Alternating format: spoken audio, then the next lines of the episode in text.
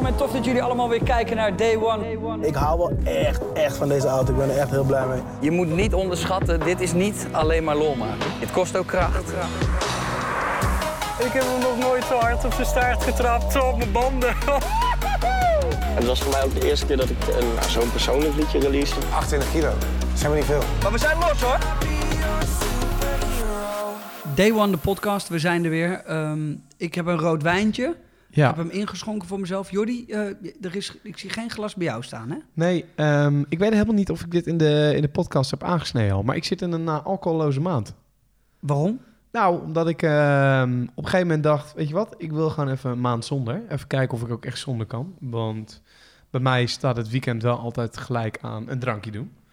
En Het weekend ben- begint op maandag eigenlijk. Nee, nee, dat niet. Nee, ik, ik, eh, door de week drink ik eigenlijk niet. En het komt wel eens voor dat ik op dinsdagavond een drankje doe. Maar wat ik ook heb, is dat ik kan ook niet één wijntje doen. Dus als ik één wijntje doe, dan gaat ook de rest van de fles gaat erachteraan. Dat gaat vanavond waarschijnlijk voor mij ook gebeuren. Dat denk ik wel. En daar Ja. mag je heel erg van genieten. Want ik kan niet wachten totdat ik hem weer opentrek. ik vind het verschrikkelijk. Maar waarom een maand en waarom zet je het dan niet bijvoorbeeld een jaar door en denk je, hé, hey, ik ga echt dit doen? Waarom een maand? Nou, een maand, dat komt natuurlijk ook een beetje van het Dry January, wat, wat mensen aan het begin van het jaar altijd doen. En, eh, en ik had nu zoiets in deze coronatijd. Nu is het helemaal makkelijk. Hè? Omdat je niet de verleiding hebt van vrienden die in de kroeg zitten, waar je dan naast moet gaan zitten met een colaatje. Ehm, en ik vind een maand ook wel genoeg nu. ja, ja, weet, je, weet je wat ik het... er- Ja, en dat klinkt heel stom misschien. Zeg hè? maar. En dan ben je er dan misschien toch te afhankelijk van. Ik heb er nu totaal eigenlijk geen moeite mee, maar ik vind mijn weekenden niet, niet zo leuk meer.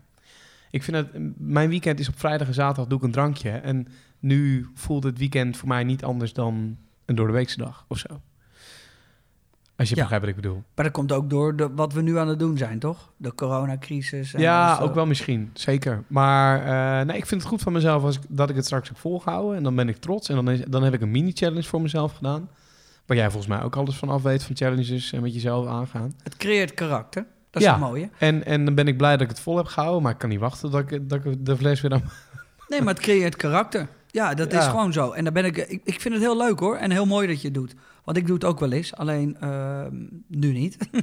Nee, nou ja, normaal, maar- normaal gesproken zou ik niet het karakter hebben om nu te zeggen... ik doe geen wijntje mee. Maar omdat ik in die challenge zit, kan ik het wel. Precies. En ik denk dat dat ook het mooie is. Dat de mensen die het luisteren, af en toe moet je jezelf uitdagen om dingen te doen waar je eh, misschien moeite mee hebt. Maar dat creëert dat je. eh, ehm, laat ik het zo zeggen. Jij doet nu eh, eh, een maand niet drinken. Ja, Ik doe al een maand koud douchen. ja. Dat was in het begin een hel en nu begin ik het te begrijpen. En de, ik hoef het niet eens echt te begrijpen, maar het- ik kan mezelf nu tonen dat als ik iets wil, dat ik het volhoud. Ja, die, wil, die wilde ik ook gaan doen trouwens, dat koud douchen vanaf afgelopen maandag. Ja. Het is me mislukt omdat ik het iedere ochtend vergeet. Ja, Maar die wil ik wel gaan doen, want dat Ja. lijkt me ook een hele toffe.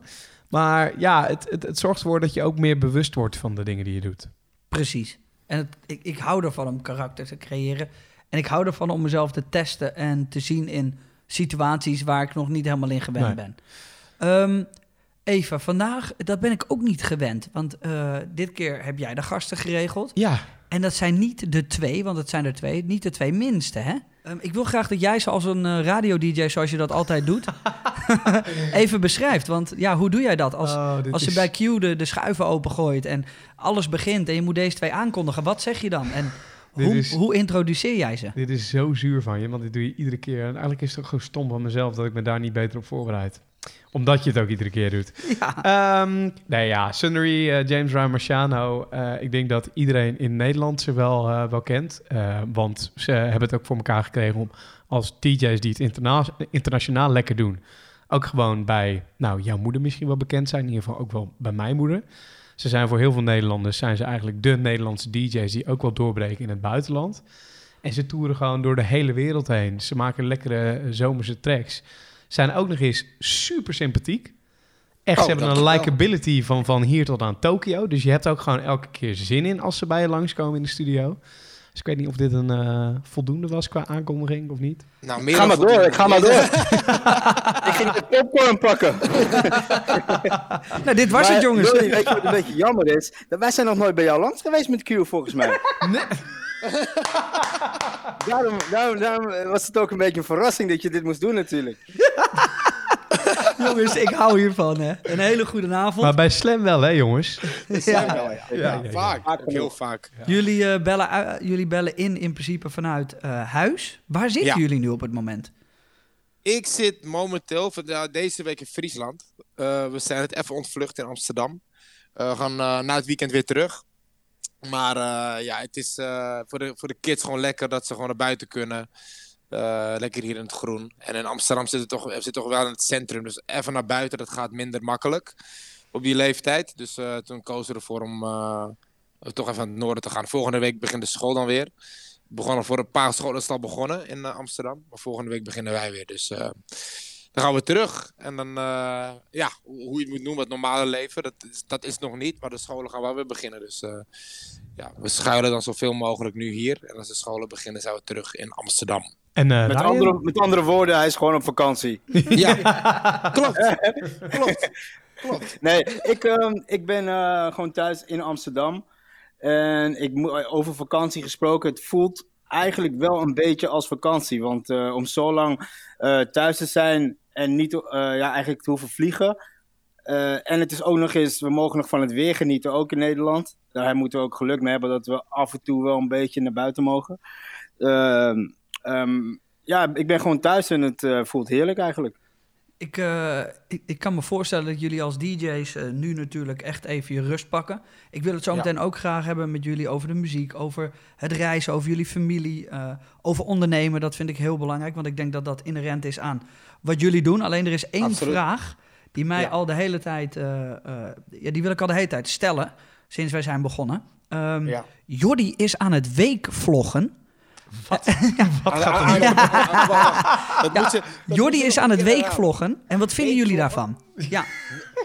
Aan het weekvloggen. Ja, hij komt hier binnen, zet hem met de camera en zegt hij... ja, ik ben gewoon even een weekvlogje aan het maken. Maar Jordi, doe je dat dan elke dag en een week lang of zo? Ja, dat is inderdaad waar het op neerkomt. En dan maak ik hem tot één video. Wat zit jij mij nou hier weer belachelijk om wat te ik- maken? Maar, nee, maar wat ik daarvan vind, dat is ten... Ik bedoel, dat, dat, dat de tweede, maar ik vraag me vooral af, wat... Waar, is het dan gewoon heel eh, eh, ja, lukraak filmen en kijken hoe die stopzetting komt? Of heb je, heb, je, heb je er een doel mee, zeg maar? Nee, ik ben, een tijdje geleden begon ik wat, wat video's voor YouTube te maken. En dat vond ik best wel leuk, dat creatieve Ja. proces. En we hebben toch Ja. met z'n allen wat meer tijd over. En deze week Ja. begon mijn agenda ineens weer heel vol te raken... vergeleken met alle coronaweken. Dus dacht ik, Ja. weet je wat, dan pak ik gewoon die camera er weer bij... en dan ga ik weer even iets creatiefs neerzetten. En dit is, dit is natuurlijk eigenlijk ook gewoon even ongegeneerd zijn vlogplugje hier... zodat mensen dat kunnen gaan bekijken. En ik maak er een geintje van, maar ik doe natuurlijk Maar wat zelf ik ook- daarvan vind... Ja, dat, Ik vind, dat, precies. vind Wat vinden jullie van die hele nieuwe... En dat is eigenlijk de vraag waar ik heen wil. En ik maak Jordi even een beetje belachelijk. En een, een grapje, maar Ja, kom eigenlijk... maar, kom wel terug. Wij, wij zijn wat... Ik ben 34. Hoe oud zijn jullie beiden? ik ben 39. 39 en? Eh, ben ik nu aan de beurt? Ja? Eh, volgens mij ben ik, is, hoe oud ben ik eigenlijk? 37 of 38? 37. Je wordt 37, 38 en, hè? eh, Ja. ja, ik tel altijd met een jaar vooruit. Dan weet je, dan Ja. ben je er gewoon voor- goed op voorbereid. Snap ik. Maar eh, ik ben eh, 37, ja. Ja, nou wij komen allemaal best wel volgens mij uit de generatie dat, eh, eh, ja, dat tv echt de shit was. Ja. En dat dat, dat dat ding was. En, en, en dan komt het internet en online komt allemaal echt als een, als een trein naar binnen eh Ja. zuizen. En, en dat is nu het ding. Hoe kijken jullie daar tegenaan? Hoe hebben jullie die transitie gemaakt? En hoe is dat voor jullie eh, eh, vertaald in de muziek nu? Nou, ik moet eerlijk zeggen dat. eh, ja, ik, ik ga het heel kort proberen te houden. Want dit fenomeen. Het begon al met dat wij vinyl draaiden. Dus gewoon vinyl. Platen op vinyl. Met de naald opzetten en draaien en mixen. En toen kwamen de CD's. En toen Die naald het- gaat trouwens op de, op de plaat, zeg maar. Wel, eh, Ja. voor Jordi, voor Jordi. ja. ja. Jordi denkt, En, en toen gingen wij door naar CD's. Ik was een van de laatste die overstapte op CD's. Want ik was die old school guy, die true gast die op vinyl zou blijven draaien. En, toen met- en Ryan was eigenlijk wel eerder die meeging met die, eh, met die nieuwe tijd van CD's. Waar ik totaal niet in geloofde. Maar op een gegeven moment stonden er nergens meer eh, SL's, de Technics, zeg maar. Waarop je vinyl draaide. Eh, en toen ging ik ook over naar CD's.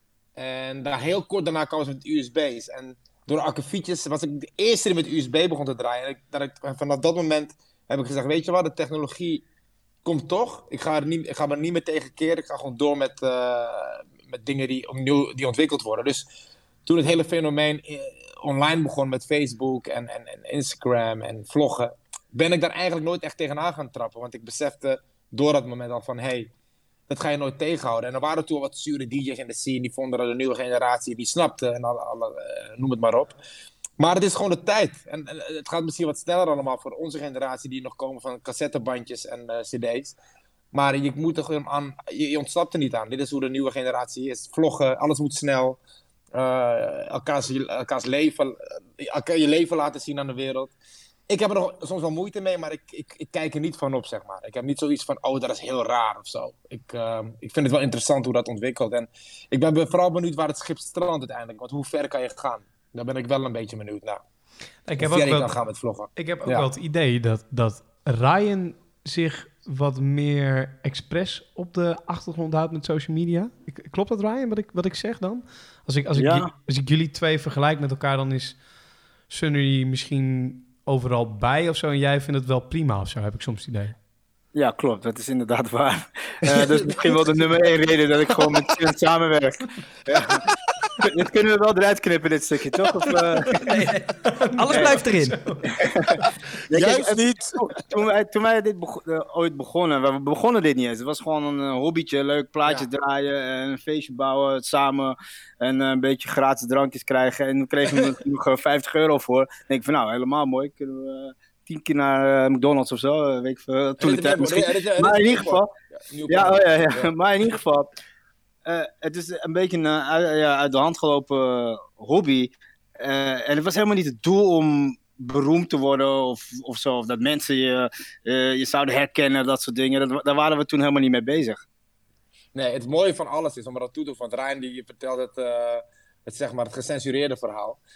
Ryan, Ryan is een super talent, een DJ, ik zag dat en ik wilde hem altijd overal een beetje hypen. En op een gegeven moment draaide ik een keertje ergens gewoon als, zei hij, ja, weet, je, jij moet dit ook gaan doen, je bent er goed in, laten we het samen doen. En toen begon het eigenlijk, ik zag het bij de, meer de business kant daarvan. Ik zag, hé, hey, wacht even, we kunnen hier wel wat, weet je, we kunnen gewoon leuk draaien en een beetje werken erbij en dan kan je een extra zakcentje verdienen. Maar Ryan was iemand die, was, die had zijn vriendenkring en dat was het. En voor de rest was de rest van de wereld was een soort van, ja, eh, leuk. Ik zag je gedag, maar daar blijft het bij. Dus soms kwamen er mensen uit de scene dan met hem praten. Ja. En na twee zinnen gewisseld te hebben, bleef je gewoon stil. En dan Ja. keek je ze gewoon aan van, ja, voor de rest heb ik Ik, niks te ik, vertellen. ik, ik, zei toen al, eh hey, ouwe, anderhalve meter, hè? Ja, Je was gewoon heel vroeg. lang voor, joh.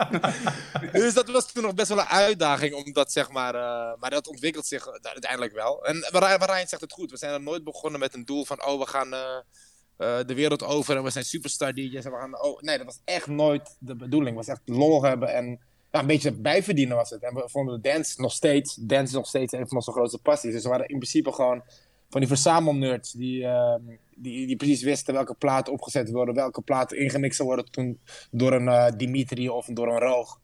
Eh, dus dat, dat waren die jongens die al die house DJ's afgingen en het tof vonden. En ehm begonnen zelf een beetje feest te geven. Dus zo is het een beetje begonnen. Maar wanneer, wanneer is dan het moment dat jullie met z'n tweeën, volgens mij heb ik, eh, jullie hebben elkaar in een schoenenzaak leren kennen? Ja, nou, Ik, ik, eh, ik was ehm, ja, een soort van store manager op een gegeven moment. eh, boven in, Amsterdam-Noord was er een eh, winkel heette op B-Sport. En ik, eh, ik moest een bijbaantje hebben voor mijn, va- mijn vader vond dat ik geld moest verdienen. Dus ik ging dan eh 200 meter moest ik lopen en dan kon ik werken.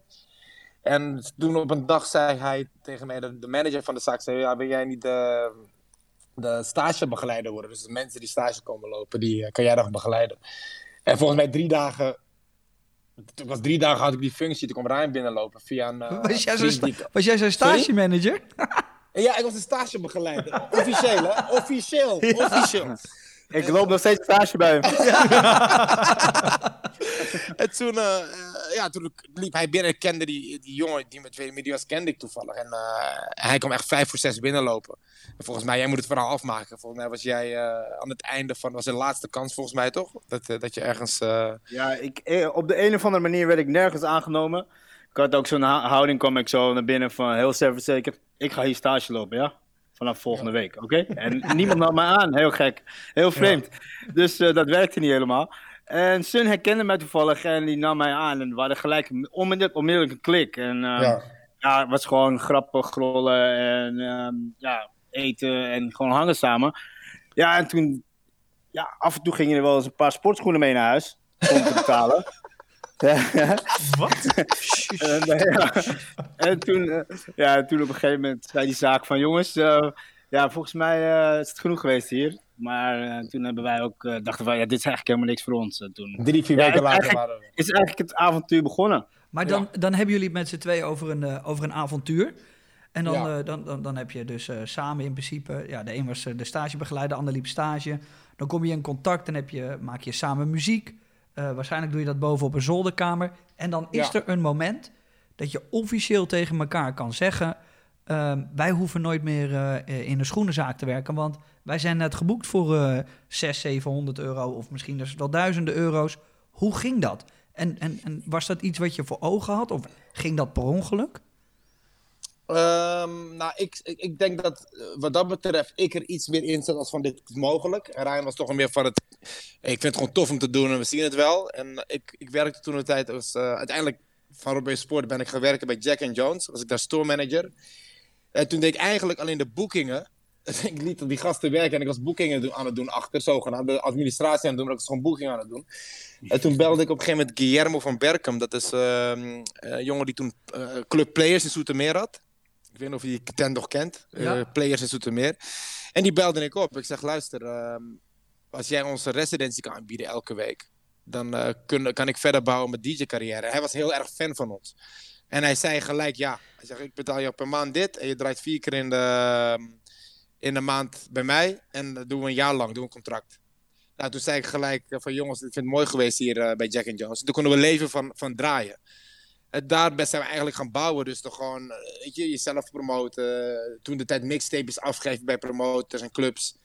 En dat ging meer lopen. En toen kregen we een eigen avond op een gegeven moment in de Escape Deluxe. En daar begon het balletje echt te rollen. Toen kwamen jongens van R&T kwamen kijken en die vonden ons tof. En zo, toen begon het balletje te rollen. En toen werd het steeds serieuzer en serieuzer. Totdat eh Ace op de deur stond, Ace Agency van Jascha Heijboer. En die zei, we willen jullie wel gaan vertegenwoordigen. En de rest is history eigenlijk. Daar begon het echt te knallen. Dat is, en dat is 2008 was dat denk ik. Ja, begin 2008. Klopt. En toen, Ja. kwam, en toen kwam Chucky, DJ Chucky ook in beeld en die begon ons heel erg te pushen. Die geloofde echt in ons. Eh, Ja. Toen de tijd eh, ja, op zijn podium gestaan, Dirty Dutch. En uiteindelijk belanden we toen op Sensation. En eigenlijk toen wisten we van, oké, nu moeten we even scherp wezen. Je moet het serieus nemen. Nu, toen Ja, we ja. pas...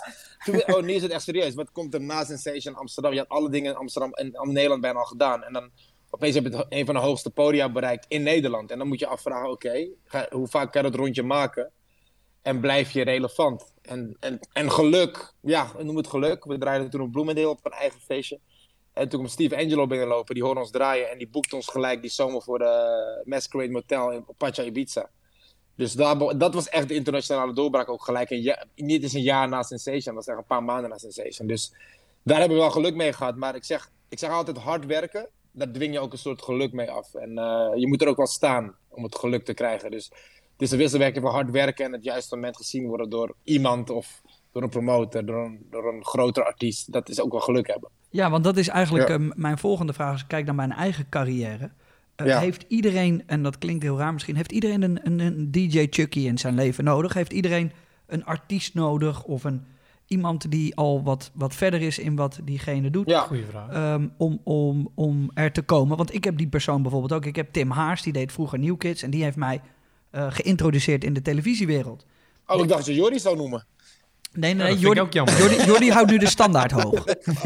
ja, Jordi, zorgt dat ik niet afglij. Nee, sorry. Maak je verhaal af, maak je verhaal af. Nee, maar Maak heeft iedereen, heeft iedereen, zijn, eh, zijn, zijn- heeft iedereen een DJ Chucky nodig om, om te doen, om, om naar een volgend level te gaan in een carrière als je in de entertainment zit? Dus iemand die het al Nou. heeft gedaan en die je meetrekt.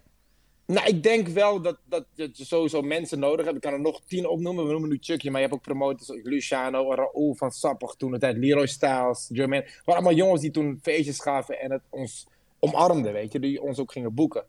Eh, maar als je kijkt naar Martijn, Martin Garrix bijvoorbeeld, dat is een, een hoge uitzondering. Ik bedoel, een jonge gast die maakt opeens een knijter van een hit. Waardoor heel de wereld naar je kijkt. Dus dat kan ook op die manier. Maar als je naar een normale, gezonde manier kijkt, is het wel, ben ik het wel met Jay eens dat je wel altijd wel een, iemand nodig hebt die, een, ja, die, die je helpt. Weet je, van hey, dit zijn gasten, kijk, kijk naast iemand met een grote platform die iemand neerzet. Dat doen wij nu ook met jongere jongens. Is een platform geven om bekend te worden. Want Zo kan je muziek aan, aan een groter publiek laten horen en, en krijg je weer nieuwe fans. Zo gaat het nog natuurlijk gezien wel. En je hebt hier en daar wat uitzonderingen, wat ik net al zei. Die opeens, zoals Fedele Grant ook, die kwam ook uit het niets met een mega hit. En die was ook over de hele wereld. Dus die, die zitten er ook tussen. Is er dan een moment dat jij hebt voor de zoveelste keer Tomorrowland gedaan? Je hebt Sensation gehad, je hebt de Vrienden van Ja. Amstel Live. Ja. Is er dan een moment dat je denkt van ja, oké, we hebben alles wel gehad. Eh, ja, is het dan nog wel bijzonder op een gegeven moment? Eh, het is heel cliché, maar ja, het is elke keer weer een, ehm, een rush. Je, je, elke show benader je weer anders. Net als Tomorrowland hebben we nu, voor mij uit mijn hoofd, zes, zeven keer een mainstage gedaan. Maar elke keer weer voelt het als de eerste keer. Omdat je met een nieuw plan komt, hebt nieuwe muziek. Het, ja, het is gewoon steeds weer een nieuwe beleving, een nieuwe stage. Eh, het voelt steeds nieuw. Dus als artiest zijnde is het... eh, om misschien dat gevoel hebben wij misschien ook nog niet. Ik kan me voorstellen dat sommige artiesten dat wel hebben. Dat ze denken, ik heb alles gezien en eh, ik geloof het wel. Maar we hebben nog steeds dat vuur om, ehm, om, om, om ons opnieuw te ontdekken, weet je. Dus om nieuwe dingen te doen. En we zijn nu op het punt beland van, oh, we geloven het nu wel en eh, we gaan rustig aan. Dat, dat, dat gevoel heerst er niet, zeg Maar dat is natuurlijk best wel- wel, best wel redelijk uniek, toch? Als je kijkt naar jullie job met... Ik hoorde, eh, we hadden hier even voordat eh, de podcast begint... dan praat je al even een beetje met elkaar. Dan heb je 160 shows gedaan afgelopen Ja. jaar. Ehm, je kijkt naar een Avicii, je kijkt naar een, een, een hoop DJ's. Eh Hardwell heeft het nu ook heel even volgens mij best Ja. wel moeilijk. Dat wat jullie hebben is best wel uniek, toch dan? Nou, ik denk het wel. En ik denk dat we elkaar ook hebben daarin. En eh, dat we ook, wat dat betreft, ook ja, een soort van eh, zelfreflectie houden. Weet je, van hey, eh, hoe sta je erin? En, en je wordt niet geleefd omdat je elkaar hebt. Ik, ik heb genoeg jongens gezien in de scene die echt geleefd worden. Eh Avicii was, is een groot voorbeeld. Die vond het totaal die vond het verschrikkelijk om in een DJ-boot te staan vanaf moment één. En hij heeft het volgens mij 7, 8 jaar gedaan met de pest in zijn lijf. Kijk, als je niet van draaien houdt en je moet dat doen, ja, dan kan ik me voorstellen dat je op eh, een of andere dag knapt en gewoon denkt van forget it, weet je, dat is wel gebeurd. Meerdere malen bij, bij Tim, bij Avicii. En dat, ja, dat is op een gegeven moment heeft het tol geëist. Het was ook een jongen die best wel eh, ja, anders over het leven nadacht. Dus dat, dat er ook nog bij opgeteld, weet je. Dus waarom is dat zo en waarom moeten we zo leven en waarom zijn we hier eigenlijk? Dat soort vragen stelde hij zichzelf altijd af.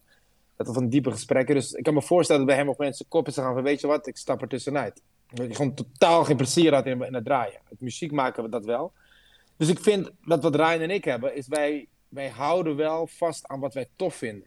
Dus ook niet je laten, laten meeslepen door eh, managers of, of labels die zeggen van je moet dit maken of je moet dat maken. We luisteren wel altijd naar ons eigen hart. Of het nou goed of niet goed is op dat moment. Je moet het altijd leuk blijven vinden, denk ik. En gewoon naar je hart luisteren. En dat is heel moeilijk, is makkelijk gezegd. Maar ik denk doordat wij elkaar hebben, dat we, dat we dichter bij ons hart blijven. En als ik Ryan aankijk, weet ik van, oh, ja, ik, ik weet wie, je weet waar je vandaan komt, constant, weet je. Het is niet van, oh, ik ben nu, eh, we, we hebben nu Tomorrowland vaak gedaan, we staan overal over de hele wereld.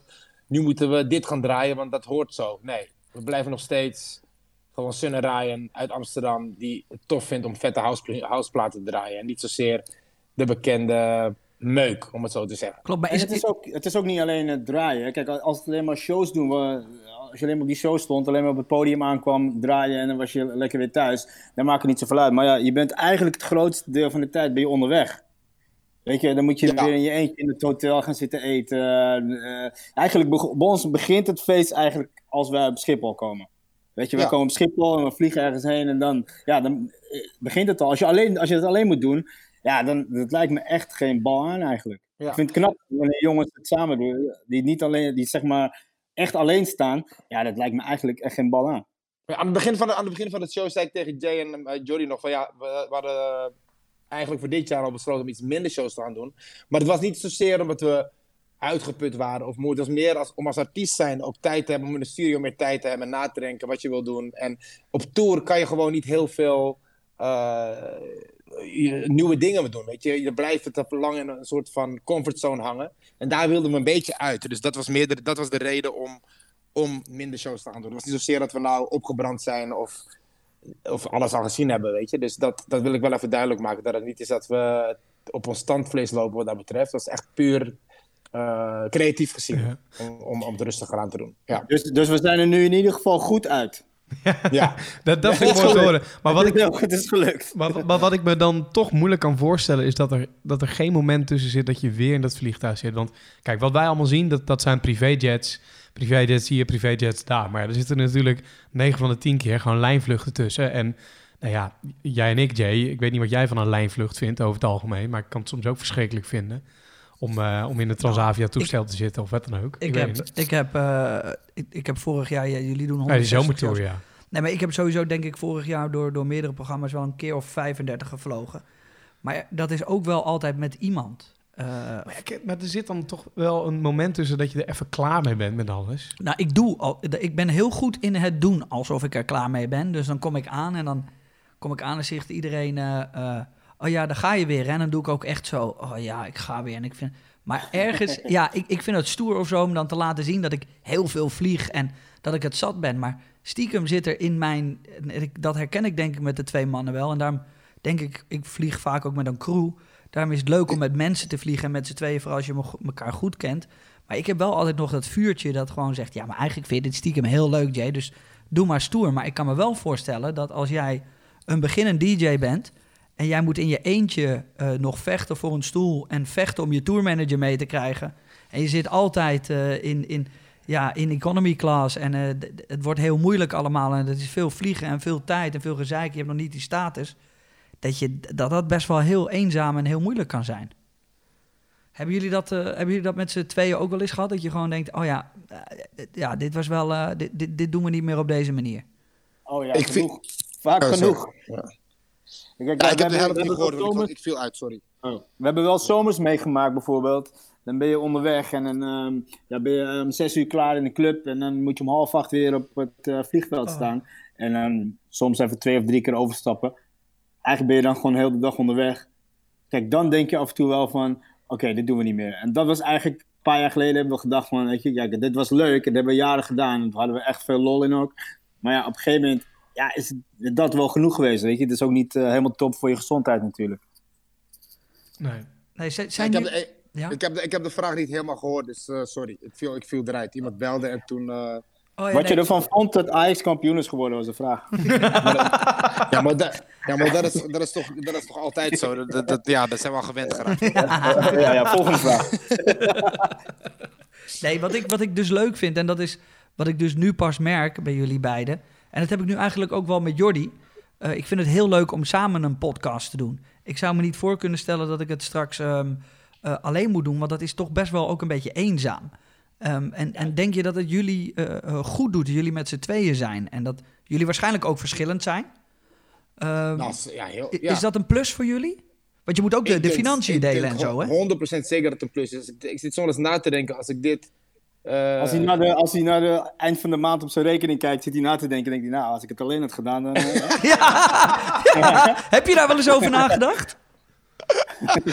Hebben jullie wel eens naar je rekening wel, gekeken? maar nee, nee, maar ik bedoel, ik zeg, ik- soms zie ik gasten alleen. We, we waren toevallig in, eh waar waren we laatst in, was het in, in Azië, was het, voor Thailand. En toen eh, zat, ehm Dio, eh, hoe heet die nou, Dioro, Dioro, nee, hoe heet die nou? ook een Jordi. Nee, die, ja, die met, eh, ja, ook een Jordi, ja. Goeie, goeie DJ wel, denk ik. Goeie naam. Ja, goede vriend van ons. Hij ook. zat, hij zat bij Refield vroeger, bij, eh, bij Robert. Eh, anyways, hij, en ik zag hem alleen. Hij had geen tourmanager, helemaal alleen. Ja. Had hij een tour in Thailand en Australië. Oh. En ik, dacht, en ik dacht van, je hebt niemand bij, je bent gewoon helemaal alleen. Dat is heftig, hè? Dat is heel heftig. Maar, Hij had wel, hij was, hij had wel Pornhub, denk ik. Dat komt wel goed, denk ik. Dan. 24 uur per dag. Maar, even serieus, ik dat als ik het zo zou moeten doen, dat zou, dat zou nooit, nee, dat zou ik nooit trekken. Oké, maar als ik, dit aan het, als ik dit aan het luisteren ben, hè? En Ja. ehm, iemand zegt tegen mij... Het is heel zwaar, want wij kwamen Ja. een DJ tegen... die mag de hele wereld rondreizen in zijn eentje, dat wel. Eh, Ja. Die verdient best wel veel centjes, terwijl hij dat doet. Ja. Ehm, waarom is dat heftig? Want ik kan daar, als, als ik dat niet meemaak en niet zie... dan kan ik me daar heel moeilijk eh, eh, eh, een voorstelling van maken. Wa- Waarom dat, Een hele, waarom dat een moeilijk hele goede is. vraag. Het was Dyro trouwens tussendoor, maar goed. Sorry? Dyro. Dyro! Ja! Jordi, la- slow clap voor Jordi. Ja, Ja, dit is echt serieus. Dat hij dat gewoon nog heel even eruit ja kijk. Maar eh, een hele goede vraag. Want ik, ik bedoel, het is moeilijk om het in te schatten. Kijk, Ryan en ik zijn los van, we zijn familie. Dus je bent met je familie op reis, weet je. Dus het voelt al alsof je gewoon met familie op reis bent. Maar als je alleen bent, zonder tourmanager, je hebt een show gedaan, je kan met niemand delen eh, hoe het was, wat je ervan vond. ehm, en dan laat je familie en vrienden achter thuis. En je bent vervolgens vier, vijf weken alleen op reis. Ja, ik, kan, ik vind het soms al saai als ik dan in mijn hotelkamer zit. Nu weet ik nog, kan Ryan bellen als ik eh, even een hapje wil eten samen. Maar dan zit je moederstil alleen in, in Thailand. eh, zonder niemand. Ja, misschien is hij 24-7 aan het facetimen met zijn met zijn moeder of zo, zijn vader, ik weet het niet. Maar ik kan me niet voorstellen dat je dan niet helemaal gek wordt. Want ik ben wel iemand die constant iemand nodig heeft om mee te, ja, te praten of dingen uit, weet je, Om mee te weet je, te viben, te viben. Weet je, ik zou, ik zou maar gek worden. Dus ik vroeg dat aan hem. Hij zei, ja, nee, ik zet mijn verstand op nul en ik ga met het zak geld terug naar huis. Ja, die, die bestaan ook. Dus ja, dat kan. Misschien kan hij het ook echt. Ik, ik, ik kan, ik zou het niet kunnen, weet ik zeker. Maar dat is wat ze toch ook over, eh, en dat is waarom ik de vraag stel, is toch ook wat ze tegen voetballers zeggen. Ah joh, loop niet zo te janken, joh, je verdient genoeg geld. Dus eh, Ja. eh, doe maar gewoon wat je doet, want wij moeten allemaal van 9 tot 5 werken. Dus eigenlijk moeten Ja. jullie niet zeuren. Daar zullen jullie als DJ's ook tegenaan lopen. Want het is, ik, nou, ja, tuurlijk ik- krijg je ja, dat toch hoor. ik, ik heb het, van, ik heb het gezien. probleem, eh, tenminste, dat is denk ik het grootste eh, dingetje, is dat wij weg zijn op het moment dat iedereen leuke dingen gaat doen samen. Ja. Ja, wij zijn er, wij, wij zijn, waren altijd met kerst weg, oud en nieuw zijn we er nooit. Ook, dus ja, je bent altijd, en in het weekend zijn we natuurlijk ook altijd weg. Dus als jouw vrienden allemaal met z'n allen gaan hangen, ja, dan kom jij op maandag weer terug, dan is iedereen weer aan het werk en niemand heeft eigenlijk tijd. En je ontvreemdt eigenlijk van je vriendenkring. Hè? Want je bent er veel niet. En dan kom je er weer tussen. En dan heb je verhalen. loop je achter. En denk je, oh ja. Dus het is best wel een opgave. Weet je? Ik, ik klaag niet. Financieel, tuurlijk is het helemaal goed. eh, goed maar dat is het ding. Het is niet alleen. En het is heel zo cliché ga ik nu klinken. Maar het moment dat je dat ziet. Wat geld is. En dan ga je echt zien wat belangrijk is. Vooral dit nu in deze tijd. Tuurlijk is het voor iedereen helemaal kut. Want iedereen gaat, heeft een beetje zwaar. Weet je, financieel gezien. Eh, mensen die eigen business hebben, dat gaat naar beneden. Maar je merkt wel, oh ja, wacht even.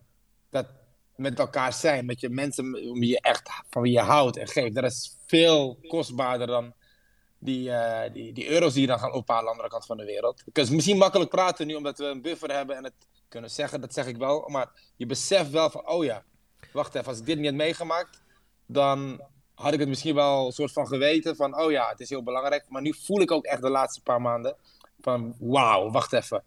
Hier moet ik veel meer aandacht aan besteden dan alleen maar de hele wereld overgaan. Ja, en dat is wat ik, eh, eh, ehm, wat ik dus zelf ook heb. Ja. Ehm, en ik snap ook, en dat, dat is even weer ter verdediging, want dat doen we toch steeds. Hè? Dat verdedigen Ja. waarom, we, Ja, eh, waarom wij, want ik verdien ook goed mijn centjes. Maar ik heb dat ook. Dat ik denk, oh, wat, hoe fijn is het om bij mijn ouders te zijn. hoe fijn is om juist. niet de hele tijd die druk te voelen van het presteren en eh, ehm, weer voor die camera te staan en weer iets te doen. En ik denk gewoon dat wij van deze, eh, waar we de- deze eh, fase waar we nu in zitten, dat wij daar gewoon als het werk in wat wij doen, gewoon even iets anders uitpakken dan de rest van de wereld. Ehm, Ja. En natuurlijk raakt het ons financieel ook. Maar laten we eerlijk zijn, dat is niet zo hard als de rest. Maar het raakt ons wel op een goede plek. En dat merk ik om me Ja. heen ook als ik praat met andere artiesten. Het raakt Ja. ons op een goede plek, omdat we ineens zien van... oh ja, we, we zaten in, in, in dat robotleven. Alleen maar Ja, je wordt geven. gewoon geleefd. Je wordt geleefd, letterlijk. Echt. En, maar hoe ervaren jullie dat dan, dat worden geleefd? Want dat is wat ik een beetje probeer te, te, te, eh, aan te wakkeren in jullie. Is dat, want ik heb, ja, ik heb met, eh, met Femke Louise een zomertour gedaan door heel Europa maandenlang. Ja. Dat heb ik met Stuk Jezus, TV ja. gedaan. Ehm, ik heb dat soort dingen gezien en ik vond het zo heftig Ja. dat ik dat bijna niet aan mensen, als ik dat aan mensen thuis probeer uit te leggen, dan eh zeggen ze ja, maar die lopen wel weg met zoveel geld. En dan denk ik, ja, maar je hebt niet gezien hoe eenzaam en hoe, hoe zwaar en hoe moeilijk dat kan zijn als je weg bent. En eh, Ja. soms is dat helemaal niet zo leuk, want alles lijkt geregeld, maar is het natuurlijk niet altijd. Nee, nee, soms eh, ja, we hebben nu wel een bepaalde ja, iets bereikt waardoor het vaak wel goed geregeld is. Het komt vaak genoeg voor dat je ook gewoon ergens staat en dan wacht je gewoon drie uur lang en dan denk je, zijn ze me vergeten? Of, eh, en dan denk je, vraag je soms waar ben ik in godsnaam mee bezig? Ik ga gewoon naar huis en fuck het allemaal. Maar het zijn, dat, dat, dat weeg niet op tegen de goede dingen. Maar wat je net, net beschrijft, dat is wel hoe het is. Je, ehm, als ik, daarom zeg ik, Ryan en ik hebben elkaar, waardoor het minder eenzaam is. Maar als je dat doet met, met een toolmanager waar je heel zakelijk mee moet zijn ook, op een of andere manier. Dan haal je niet hetzelfde eruit wat Ryan en ik eruit halen. En dat denk ik wel. We hebben wel dat, dat plezier op tour. Dus wat jij probeert te, aan te wakkeren. Kijk, wij worden nu bewust van het feit dat we, zeg maar, eh, oh ja, shit, die vrienden heb ik nou tijd voor. Daar kan ik nou heen. Maar daar ben ik, heb ik zo lang niet echt in een vriendenkring gezeten dat je jezelf een beetje vreemd voelt. Je wordt wel omarmd. Alleen die dingen, eh, die komen nu bij mij boven. Wacht even. Oh ja, dat zijn even tien jaar voorbij gegaan. En uh, what the fuck, weet je? Van, dat zijn mijn matties, maar ik zag ze één keer in de twee maanden. En dan was het even leuk en was ik weer weg. Dus dat, dat, je voelt hem soms een beetje vreemd de eend in de bijt dan in, in, uh, in zo'n gezelschap. Weet je, terwijl het echt, echt je matties zijn. Dus uh, dat eenzaam op toe, moet ik eerlijk zeggen. Dat is er niet, omdat je uh, en ik elkaar hebben. Maar dat het zwaar is onderweg, ja, dat wel. Dat zeker. Dat, en dat is moeilijk. Daarom zeg ik, ik verdedig, verdedig mezelf steeds. Je krijgt er heel wat voor terug financieel. Maar het doet wel wat met je mentaal. En dat weet je pas wanneer je even stilstaat. Dat je denkt, tering, wacht even. Ik ben dus echt geleefd al die jaren. En dat, dat beleef je dan niet zo. Maar dat, dat, dat kom je achter als je zo'n tijd hebt waar je even compleet stilstaat. En dat je, dat je eigenlijk jezelf in de spiegel aankijkt van... Jezus, oké, okay, what about you? Ja. Weet je, wat, uh, hoe voel jij je nu eigenlijk? En dat, uh, dat, dat speelt nu wel een beetje, moet ik eerlijk zeggen. Kijk, en eigenlijk deden we het wel altijd zelf. Weet je? Het is niet dat mensen ons verplichten om, om weer op pad nee, te gaan. Nee, we doen nee. het altijd zelf. Maar ja, wie neemt er nou eventjes een jaar vrij of zo? Dat doet niemand bijna. En wij ook niet. En daarom zijn we aan de andere kant best wel dankbaar voor deze, ja, dat we toch deze periode zo even rustig kunnen doormaken. Zijn er dan ook dingen die jullie zometeen anders gaan doen na deze tijd? Ik denk veel bewuster aan ons toerschema kijken. Dus uh, wel blijven toeren, maar gewoon op een hele bewuste manier. Um, waar wat al een beetje begonnen op basis van onze creativiteit. Dat we vonden dat we meer in de studio moesten zijn. En, en echt bezig moeten zijn met elkaar. Dus niet zozeer, oh ik heb een opzetje, dit maken we af. En oh dat moet zo klinken, moet zo klinken, want dat gaat het werken. Nee, gewoon echt puur de studio in. Vrijnemen een paar weken en werken aan iets. En om dicht bij jezelf te komen. Dat, uh, dat is heel belangrijk. Dus in die zin gaat de toeren wel, denk ik, voor ons er iets anders uitzien. Ook keuzes maken in wat wel en wat niet. En waar we in het verleden toch gingen van, hé, hey, uh, dat is een mooi toertje, dan kan je mooi uh, geld pakken, doe dat gewoon. En, uh, en, en dan heb je drie weken vrij en dan mag je weer een half jaar vol gast. Dat gaat wel iets, iets, meer balans in komen.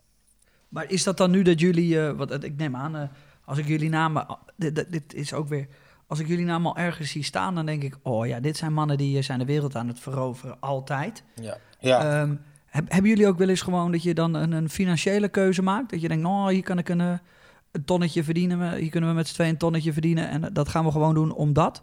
En ga je dat dan nu ook meer laten? Of hoe, hoe moet ik dat zien?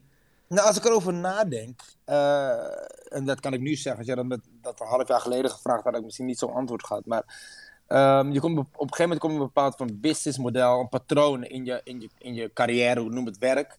Uh, met je agentschap, met je management. En dan praat je over bepaalde dingen. En dat is gewoon je businessmodel. Dus als iemand zegt, hé, hey, daar kan je zoveel pakken en dan doen we dat daar, doen we dat daar. Oh, dan halen we zoveel binnen, nou, dat is zoveel procent meer dan vorig jaar. Top, nou, dat is, is een business, weet je. Dus je probeert altijd te groeien. En dan, en dan moet je, en dan verlies je een beetje het artiest zijn. Je wordt meer business, je gaat het meer als een business zien. Precies. En het artiest zijn, dat komt dan op een soort van hele rare manier op een tweede plek te staan. Ja, maar het is business. En dat is, en, en, en dat, daar kom ik nu dus achter van, wacht even, eh, we moeten weer terug naar de basis. Waarom we dit zijn, waarom we zo ver zijn gekomen, is omdat we die artiesten zijn die zo eigenwijs zijn. En daar moeten we nog meer uh, nadruk leggen in onze muziek. En niet zozeer denken, oh, dat werkt of dat werkt, dit moeten we maken, dat klinkt zo. Nee, meer naar de basis gaan zoals we opgepikt zijn toen de tijd. En dan kom je nu achter, weet je, na, na, na een tijd waar alles stilstaat. Dat je denkt van, oh ja, dat is eigenlijk wel vet. Want als we, de dingen die we nu op de plank hebben liggen, we hebben nooit zulke vette dingen gemaakt in de laatste, laatste vijf, vijf à zeven jaar. Ik denk dat we, als we nu naar buiten komen, hebben we een compleet nieuwe set. Met allemaal nieuwe bangers en echt dingen die dicht bij ons hart liggen. En uh, dat is iets wat echt nodig was. Dus in die zin ben ik erg blij met deze tijd. Los van het feit dat we natuurlijk uh, zoveel mensen kapot zien gaan en, en mensen die ziek zijn, dat, dat vooropgesteld. Maar dat we vrij zijn, dus los daarvan, de, de, vrijheid nu eventjes. Dus niet te denken van de druk voelen van, oh, we moeten weer. Dat, dat, dat maakt wel creatief heel wat los bij ons. Mag ik een, uh, een, uh, een um, ja, dit, wat, ik heb, doe dit ook steeds. En dan ga ik steeds mijn excuses aanbieden. En, ja, omdat, ja, ik ja, iets, omdat ik iets, uh, iets... Voor mij doet dit best wel goed. En deze, deze tijd. Ja. Ik ben, daar, ik ben er stiekem, ja, ik weet niet of ik dit kan zeggen, maar ik ben er stiekem blij mee. Voor mijzelf, hè? niet voor de mensen om me heen, maar voor mezelf kan ik zeggen: hey, dit heeft me creatiever gemaakt. Het heeft me een bepaalde rust gegeven, waardoor ik weer weet wat ik wil en kan doen. Ja. Ehm, Nou, dan kan ik je een hand schudden, want dat is, zo sta ik er echt wel in. Ik, voor mezelf persoonlijk is het bijna een soort blessing. Maar durven jullie dat ook openlijk te zeggen? Want dat vind ik dus moeilijk. Nou, oh, nou, we zeggen het nu een beetje openlijk, maar Ja. ik bedoel, eh, het is, weet je, dat je hebt met verschillende emoties te maken. En wij begrijpen elkaar in die zin. Maar je hebt ook mensen die totaal in de shit zitten. En misschien nog mensen eh, hebben in een familie die doodgaan aan, aan het coronavirus. Als, als je daarmee praat, dan denken ze, je bent helemaal gek in je hoofd geworden. Waar heb je het over? Blij en, en blessed, weet je. Dat, snap, dat snappen ze niet. Dus voor die mensen wil ik het gewoon wel... Ja, daarom zeg ik het een beetje voorzichtig. Van ja, in mijn positie is dit echt voor mij een blessing. Dat dit op me afgekomen is. Van persoonlijk, hoe jij het zegt ook. Persoonlijk is het een blessing. Maar voor sommige mensen kan het ook tegelijkertijd een, de, de meest donkere periode zijn in hun leven. Dus ik vind het moeilijk om dat te schreeuwen, zeg maar. Van, oh, ben ik blij met deze tijd. Maar tegelijkertijd doe ik mensen pijn, weet je. Ja. Dat, dat, daar ben ik wel bewust van. Maar ik vind eigenlijk dat we niet als individuen eh, moeten kijken naar deze situatie. Want als je gewoon op dit moment kijkt naar de wereld, naar de natuur, die zichzelf gewoon weer helemaal opknapt, Ja. dan, ja, dan zie je het, dit, en dat geeft het antwoord eigenlijk al, toch? Ja. Ja, in principe wel. Ik, ik, ik ben het met je eens. Ik geloof je. Maar Ja. weet je, wij kunnen zo relativeren. Wij kunnen zo denken. En, en, en ik, ik heb ook ik heb serieus een discussie gehad hierover met iemand die, die dacht dat ik eh, van, van Jupiter kwam. En die zei, ben je helemaal gek? Waar heb je het over? Weet je? Ik dacht van shit. Ik heb mezelf in een benarde situatie gebracht hier. Dus, en, en dan had ik niet verwacht. Ik werd echt aangevallen. Dat was gewoon... eh, Ja, ik denk dat het ook Ja. heel erg te maken heeft met de manier waarop je het, op- waarop je het ziet. Ja, wat jullie ook beide ja, is ook zeggen. En ook dat het, Ja. dat het zoiets is dat... Kijk, ook al zit jij van 9 tot 5 op je kantoorbaan... en je komt nu ook Mhm. thuis te zitten... dan ga je misschien bij jezelf ook nadenken... hé, hey, wacht, ben ik eigenlijk wel zo gelukkig met de baan Juist. die ik nu heb? En nogmaals, deze tijd is verschrikkelijk voor een, een hoop mensen... en, en het kost levens en, en mensen worden heel erg ziek... En dat is absoluut het aller, aller, aller, allerergste aan deze situatie. Maar voor sommige mensen brengt een crisissituatie juist ook het, het ja, haalt het allerbeste uit je. Soms. Ja, en je, en je krijgt nieuwe inzicht, nieuwe perspectieven. En dat is zeker bij ons dan hoor. Dus in die zin nogmaals, om, om, om echt antwoord op je vraag te geven, eh, Jay. Ik, eh, ja, ik ben echt wel happy dat ik eh, deze tijd heb gehad. Dat, ik voel bijna, ge- bijna als geroepen. Ja, en als ik dan, eh, eh, eh, wat ik nu dus ook heb, is dat eh, ik heb nu dus een vriend, ik heb een vriendengroep. En dat hebben jullie ook waarschijnlijk. En dan heb je appgroepen en daar eh, gooi je dan af en toe wat in als je veel op reis bent en druk bent en je eigen Ja. leven. En je weet ook hoe ze naar je kijken. Zo Ja. van, oh ja, laat hem maar even, want hij is weer weg en hij is weer aan het doen. En ik heb nu ineens dat ik heel veel in die appgroep praat. En eh, dat ik echt met iedereen zo van, hé, hey, laten we op de hei gaan lopen en laten we dit gaan doen. Ja, en dat iedereen een beetje denkt van, eh, Jay, dit, is- wa- wa- wat ben je aan het doen? Weet je wel, dat ik, ik, ik schaam me ook een beetje voor het feit dat ik er ineens ben. En dat ik ineens bereikbaar ben. En, hé hey jongens, kijk mij eens. Hebben, hebben jullie ja, dat ook? Ja, ja. Dat, Ja. ja, dat schetste ik net een beetje. Precies dat, ja. Ah, weet je hoe raar mensen mij aankijken in een bouwmarkt? Die kijkt echt van, nou, dat gaat zo slecht daar. Ik weet niet wat voor trek jij aan het bouwen bent, maar... Eh, Ja, mijn, vrienden, mijn vrienden zeggen gewoon, Jay, Jay hou even je bek. maken, een podcast. Podcast. nee, je maakt... Nee, die zeg je niet. Ja, Af gewoon. heerlijk. Nee, maar dat, je- wat je zegt, ik zei het net al, van, je voelt je een soort vreemde eend in de bijt. Weet je? je bent opeens een soort van, hey, we- laten we dit doen, laten we dat doen, laten we afspreken. En ze denken, eh, hoezo, moet jij niet ergens in, eh, in Australië zitten of zo, weet je? Nee, ze snappen ook natuurlijk wel dat het voor mij rustig is, maar ik, ik, voel me wel opgelaten, ja, om dat contact dan steeds te gaan, eh, want je zoekt er ook naar, want je bent er nooit. En als je nu tijd hebt, dan wil je dat ook graag doen, dus...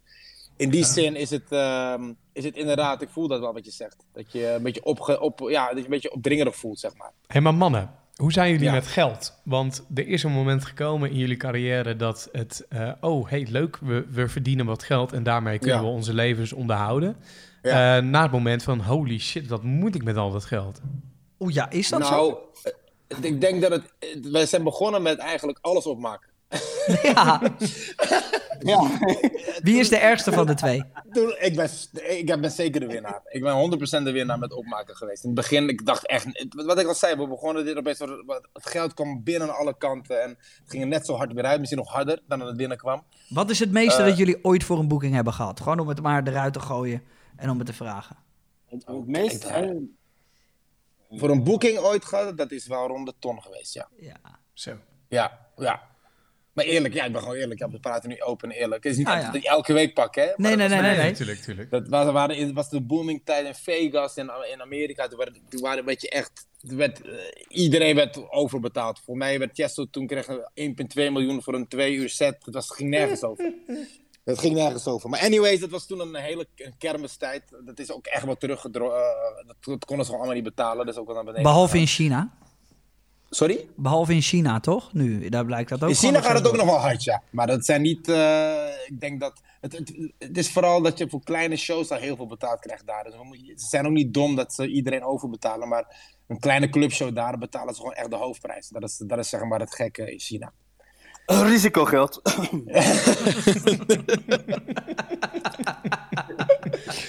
Nee, maar dat, dat is die bedragen. Ja, ik bedoel, elke, ik denk elke, elke Nederlandse top DJ heeft echt wel dit- zo'n zo'n eh, vier gepakt eh, toen de tijd in, eh, in Amerika. Toen de tijd toen het net eh, openbrak. Ja. Maar, maar dan, dan kun je met twee manieren kun je omgaan met geld. Dat is, eh, weet, je, weet ik veel, dure kleding kopen, dure auto kopen. Alleen maar eh, dingen kopen waar je Ja. nou, niet in investeert, hè, zeg maar. Dus niet de slimme aankopen misschien. Domme is- kleding, dat soort shit allemaal, ja. Ja, maar, maar is, is dat, is dat eh, heel erg gebeurd? Hebben jullie zelf jezelf heel erg halt moeten eh, roepen om dat niet te doen? Of zit het in jullie om met, slim met geld om te gaan? Nou, ik denk dat Ryan wat dat betreft beter met geld omging dan ik toen in de tijd. Toen de Is- tijd. is in meer- het begin maar- was... ja, maar het is meer omdat ik niet zo geef om spullen ook meer, eigenlijk, denk ik. Nee, ik was echt een kleding, modepop en ik vond alle nieuwe shit vond ik dik. En ik hou van kleding, heb ik altijd van gehouden. Dus toen dat, op een gegeven moment kon ik die dingen niet kopen, het, toen de tijd. En toen had ik opeens het geld om het wel te kopen. Dus ik ging al die winkels af van, nu kan ik dit kopen. En ik koop het ook allemaal tegelijk. Eh, tot, er, er toen een blauwe brief op de, in, in de bus kwam. En toen ging Kenneth lachen dat ik dat moest betalen. Want dat, dat, dat kan niet, dat is een grap, dacht ik. Dat, dit, dit is gewoon een fout. Dit is, een, dit is gewoon een... eh, ik, iemand neemt me een maling. Dus toen eh, ging ik naar Jascha. Om te- is het echt waar? Ze zegt, ja, Sun, dat moet je betalen. Ik zeg, oh, dat, dat wordt dan lachen. Dat is wel uiteindelijk goed uitgepakt, want het was een eh, soort van ambtshalve aanslag. Dus, dus het was allemaal veel mee. Maar toen ben ik wel gaan nadenken gelijk, oh, ik, eh, ik ga dit toch even anders aanpakken. Dus in die zin is het gelukkig vroeg, eh, zijn we vroeg met onze neus op de feiten gedrukt. Ik dan vooral. En gelukkig kunnen we hoeven niet, niet klagen. Laat me, het- laat me het zo zeggen. Maar ehm, is het dan zo dat je bijvoorbeeld... We hebben natuurlijk ook een gedeelte over het ondernemerschap. We hebben het eerder met, Ja. met JJ in deze podcast ook gehad over... hoe je kan investeren in, in eh, bedrijven, weet je wel? Of, of in huis of zo. Zijn dat dingen waar, waar jullie heel erg mee bezig zijn? Want er wordt natuurlijk ook vaak over artiesten als... Nou, noem maar wat, Leeuw Kleine gezegd. Die smijt met geld, die spaart niet, dat soort dingen. Ja.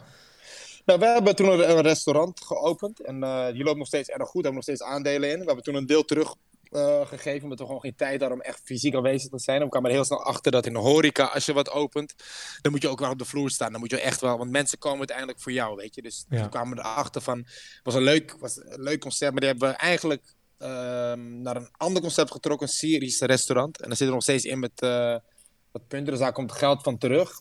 Eh, we hebben natuurlijk huizen. En dat is het een beetje. Het is gewoon, ik denk stenen is het, het is heel saai, maar stenen is zeg maar het meest, ja, dat, dat houdt zijn waarde toch altijd. Dus eh, we zijn niet degene die op de, op de aandelen kopen en op de stockmarkt aan het kijken zijn en actief bezig zijn met, oh, dat moet, daar moet je investeren. We zijn best wel conservatief in investeren, denk ik, daarin. En, eh, Als je iets doet, dan moet je er gewoon echt 100.000 procent voor gaan. En niet denken dat je er even snel geld in kan stoppen. En, ja, want er komen ook ehm, in deze positie komen er zoveel mensen op je af die wel iets van je willen. En die wel Ja. denken dat het, eh, eh, ja, het nieuwe wiel hebben uitgevonden, zeg maar. Ja. Eh, maar ja, de, de- in het begin trap je daar af en toe wel in. En dan weet je van, oké, ik moet daar iets voorzichtiger mee zijn. Want het is niet allemaal eh, een feest natuurlijk overal. Nee, ja, dat, ik ben daar een paar keer ingetrapt.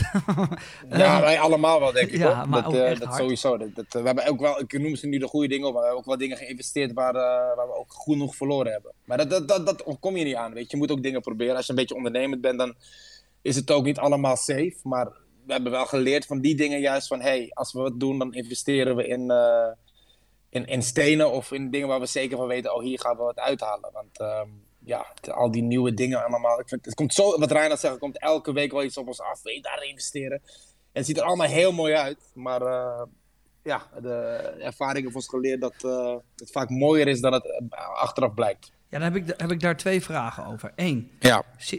zien jullie jezelf als, als ondernemers? Eh, en, en twee, is er iemand die jullie daar dan bij helpt en adviseert? Ehm, ik denk dat wij eh, meer creatiever zijn dan echt ondernemers. We houden van ondernemers. Ik vind het heel interessant. We hebben een uh, manager, uh, Nick Pat. Die is onze echt rots in de branding. En wij, als we iets zien wat we tof vinden, onderzoeken we het eerst en daarna leggen we het bij hem voor. En we weten al van, het moet heel goed en waterdicht zijn, alvorens hij wil zeggen, dit is interessant. Uh, dus da, dus hij, hij, is wel onze sparringspartner daar in business. Maar dat we ondernemend zijn, dat is zeker. Ja, we willen altijd wel uh, nieuwe dingen doen, maar het moet zo min mogelijk kosten en dan moet zoveel mogelijk opbrengen. daar hebben we van geleerd. en, en als je kijkt naar het merk Sunnery James en, en Ryan Marciano, um, ja. wie, wie heeft daar de meeste kwaliteitsbewaking op? Als in, um, is het voor jullie beiden duidelijk wat dat merk is, zeg maar, en hoe jullie dat merk kunnen versterken?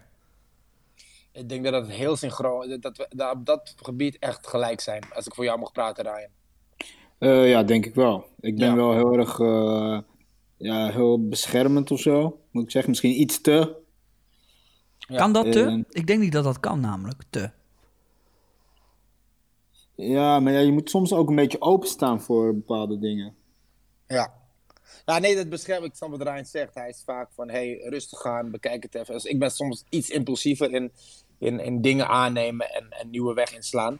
Maar die balans juist, wat ik zeg, dat is wat wij, als je het zegt over de totale SRM, de SRM die balans daarin, dat maakt juist dat wie we zijn, denk ik. En uh, wat ons nog steeds op onze eigen manier uh, daar gebracht heeft. Want als je naar onze carrière aan zich kijkt, is natuurlijk best wel een bijzondere carrière. Als je het, als je het, DJ's maken normaal, als je ons, ons niveau bereikt, heb je meestal uh, wel een paar mega hits gehad. Dat hebben wij, we hebben wat leuke clubhits gehad en hier en daar uitschieter in, in andere landen. Dus in, in, het Oostblok hebben we een grote hit gehad in Zuid-Amerika. En dan, dan bewe dat zich dan. Maar we, zijn geen, we hebben geen uh, to Bologna van Martin Garrix gehad bijvoorbeeld. Maar we staan wel op al die podia waar hij ook staat. Dus Zit dat jullie dwars? Ons... Sorry? Zit dat jullie dwars, dat je dat niet hebt? Nee, tot, ik, nou, dat meen ik oprecht totaal niet. Want het moet... Kijk, wat wij maken...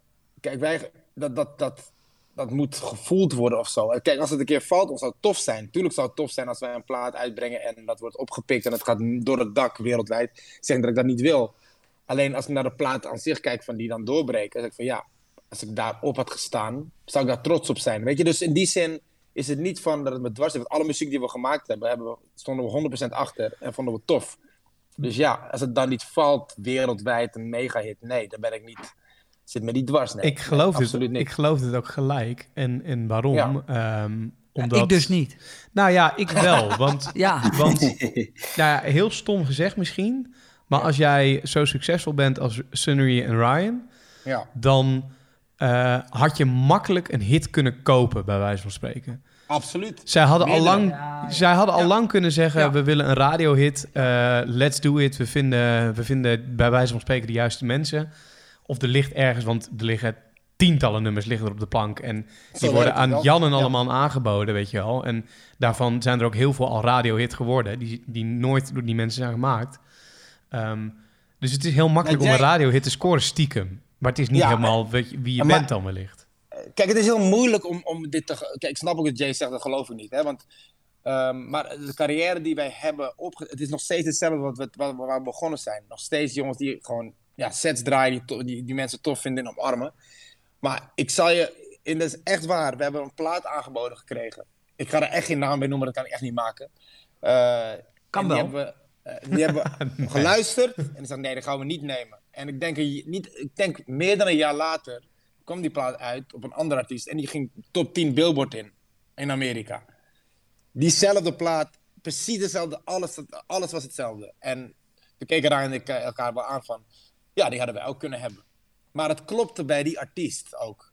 Als wij het misschien hadden gedaan, klopte het niet eens bij, de, bij het gevoel. Dus ik geloof ook dat als, als een bepaalde plaat bij een artiest past en mensen zien dat, wordt het ook omarmd. Dat, gaat verder dan alleen maar de plaat. Het is Ja. ook de artiest die je erbij ziet, weet je? Het dat geloof gekke, ik echt. het gekke is dus dat ik net ehm, dat heel stoer zeg. Ja. Ehm, en, en, ja, daar nee, nee, wat ik, nee, nee, ja, en daar terug moet komen, omdat één, Ja. ik denk, Jordi heeft gelijk. En Ja. twee, ik heb dit meegemaakt, want Traag was het eerst aangeboden aan Stuk TV, want we hadden een Stuk TV writing camp. Ja, ja. En, en Traag is gemaakt door Busy, Kraantje en Remix op dat writing camp. Dus Ja. zij moesten die als eerste aangeboden. Maar het had dus, Traag had van Stuk TV kunnen zijn.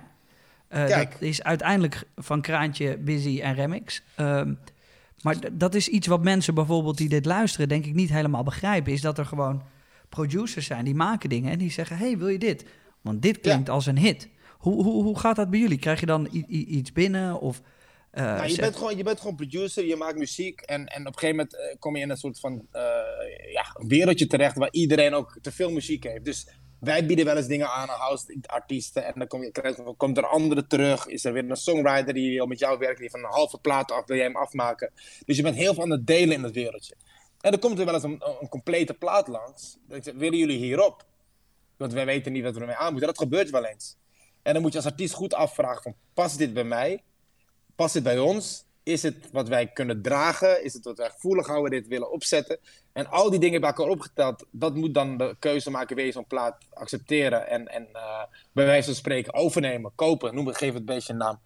En dat dus dan betaal je eens. 5000 euro voor een plaat die dan van jou wordt, die niet van jou is, maar wat wel potentieel een hit zou kunnen worden, waardoor je Dat gebeurt, eventueel dat gebeurt meer zeker. Maar dat is, dat is in de hele muziekbusiness, op alle vlakken. Hè. De- over de, over de J Balvin's, de Beyoncé's. Het, het, het is gewoon, je hebt een heel groot netwerk met producers en songwriters.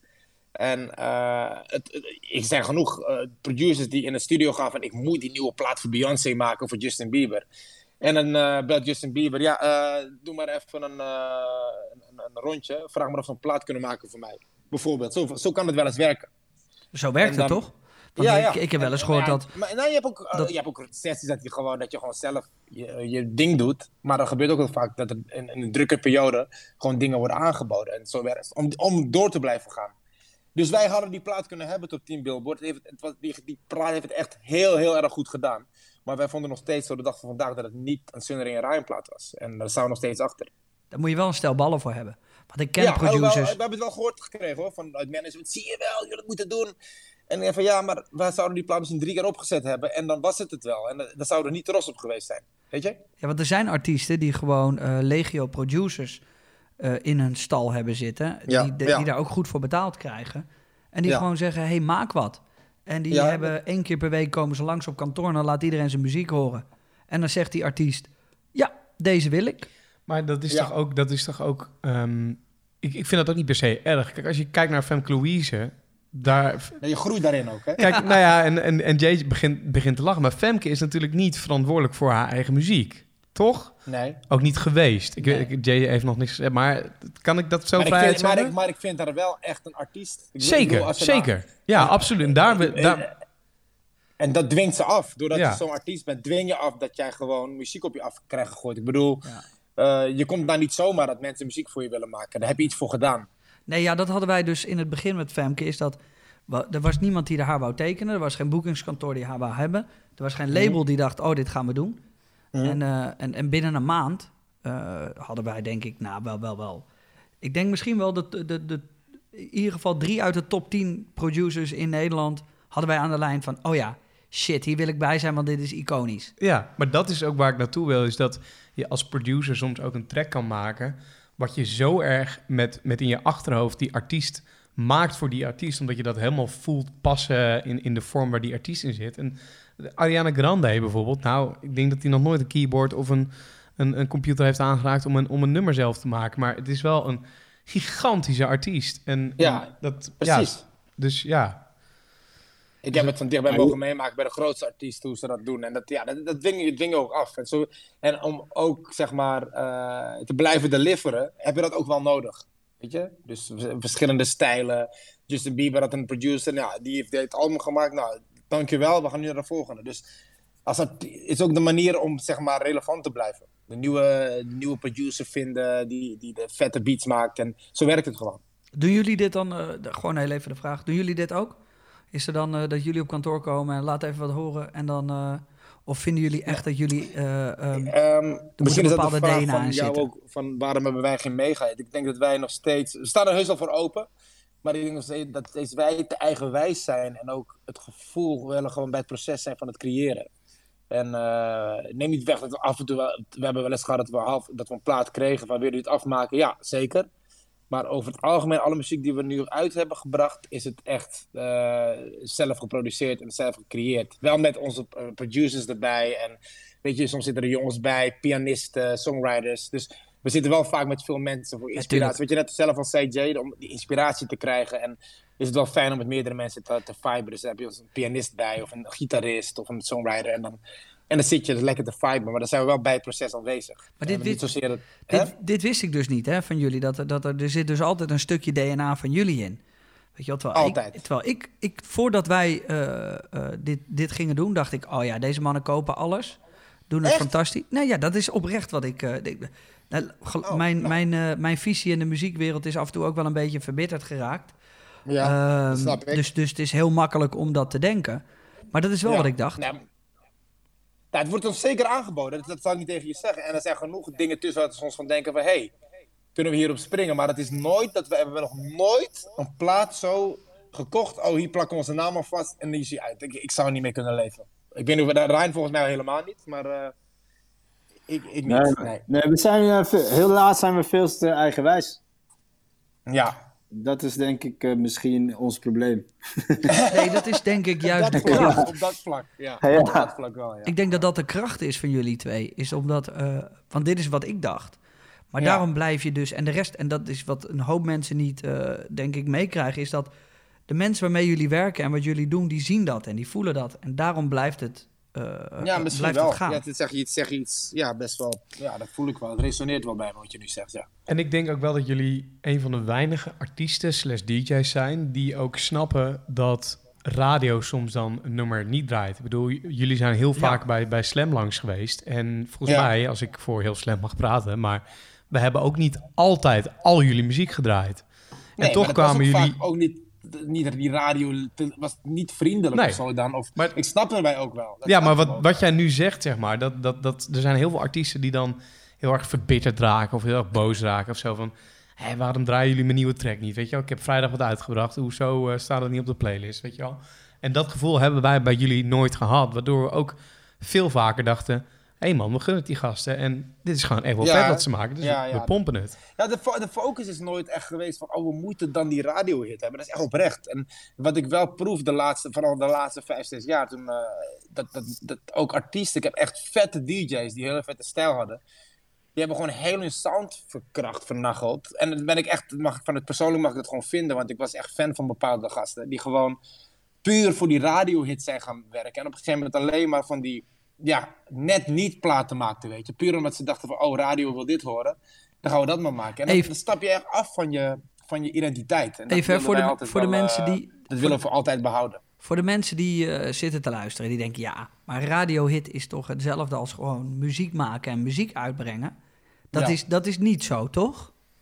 Nou, kijk, ik, ik zeg altijd, radio, dat over, overvalt je. En eh, het- eh, eh, tuurlijk zijn er genoeg gasten die denken, oh, we gaan voor de radio produceren. Maar er zijn bepaalde regels om op de radio gedraaid Ja, wat te is daar het worden. verschil tussen? Tussen een normaal iets maken waarvan jullie denken wij vinden dit vet en het op de radio kunnen krijgen.